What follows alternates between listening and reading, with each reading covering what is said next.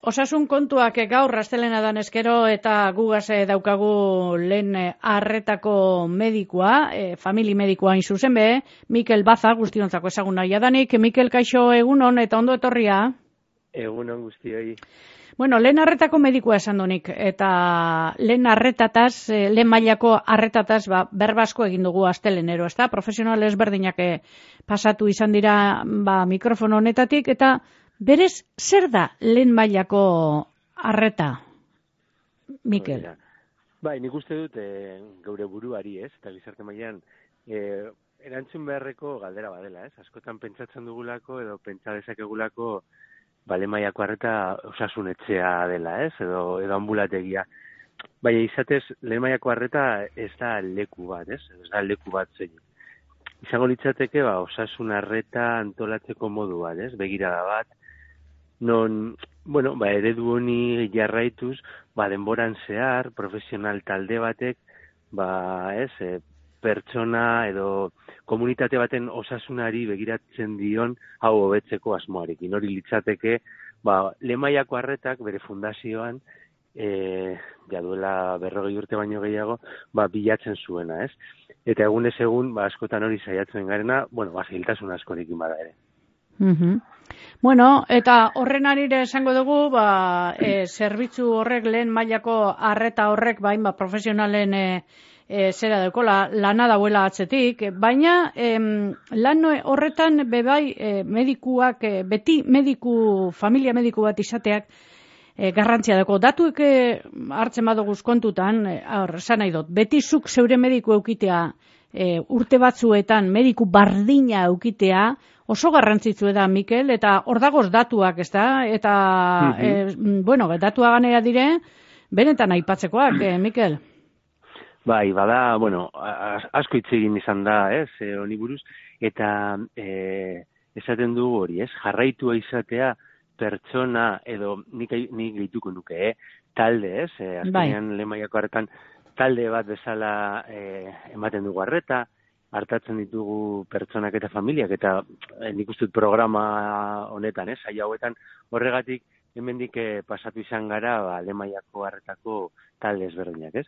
Baina hori da, badago agian eh, hau ebalatu duen eh, eh, estudio ikerketa garrantzitsuena 2021 batean Norvegien egindako ikerketa bada, non eh, bueno, ba ebalatu zuten familia mediku berdina izateak ze implikazio zeuskan, eh? ze ondorio e, zeuskan osasunean, ez?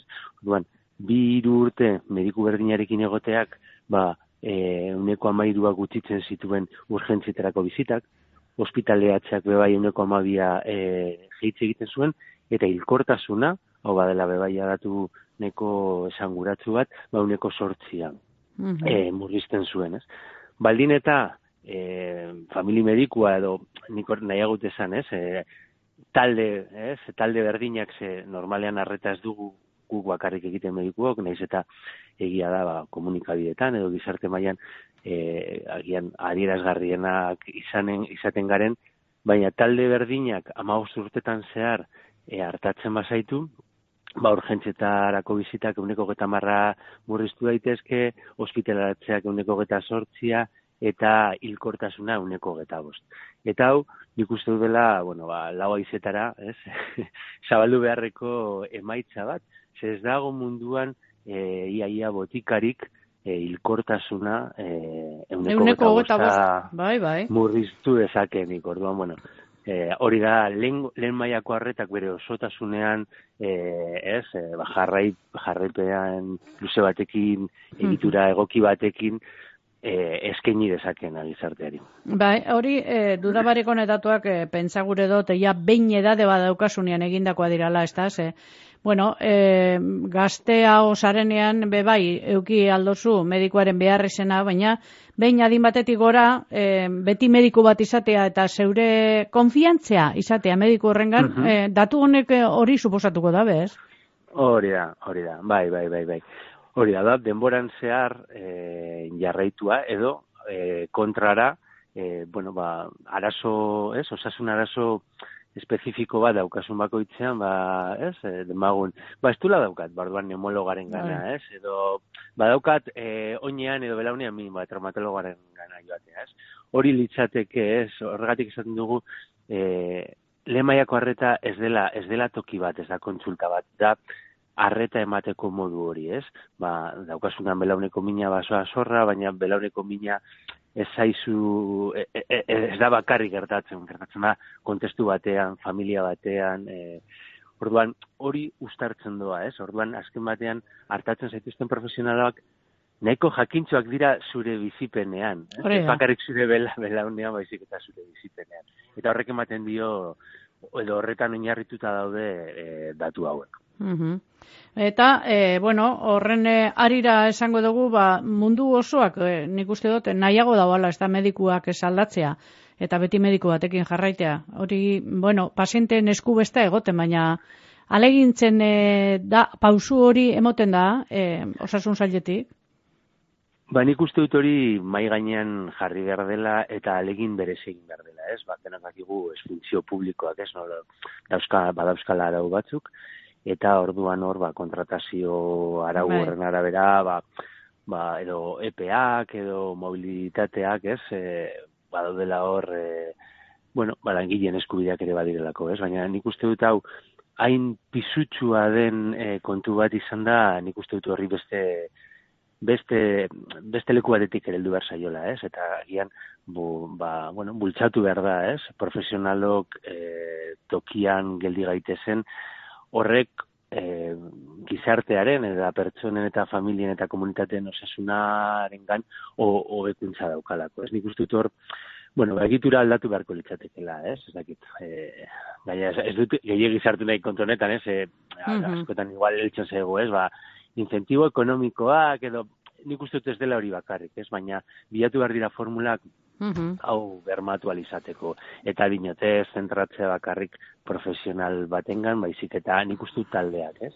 Mm Ze, bueno, taldean lan egiteak ere, bueno, ba, behar du hori entrenamendu bat, esperientzia bat, profesionalak elkarre zagutzearena ere hori bere bizikoa da.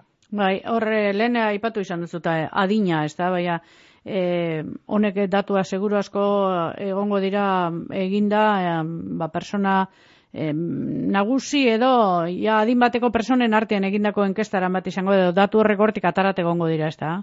Seguro mm Mikel. Bai, bai, uste dela, bueno, uste dut ez, e, batean publikatu zen, e, bueno, lan aldizkari espetsu batean, eta da norvegien egindako estudio observazional batez. Orduan jarraitzen dituzte e, populazio talde talde bat hainbat urtetan zeharret, eta orduan aztertu egiten dute, e, bueno, ba, osasunean dauzkaten e, ondorioak, ez? Ze hori, bizi, zenbat bizita mediko eta bar, eta konparatzen dituzte bat talde ezberdinek, ez? Bai, fa, e, familia, elemaiako harretako familia egonko, mediku egonkorra izan da, edo beste, beste eredu batzuk, ez? E, ba, hori, ba, erreferenteri gabekoa, eta, bueno, ba, unean uneko, ba, arreta, ba, profesional batek, ematea, ez? Hor da, hori da, ezberdintasuna eta hori da estudio horrek ebaluatzen zuen da, ez? Mm Azarri askotan, e, Mikel, e, uste honik egin behar esaten dozuela beba psikologo lana, ez da?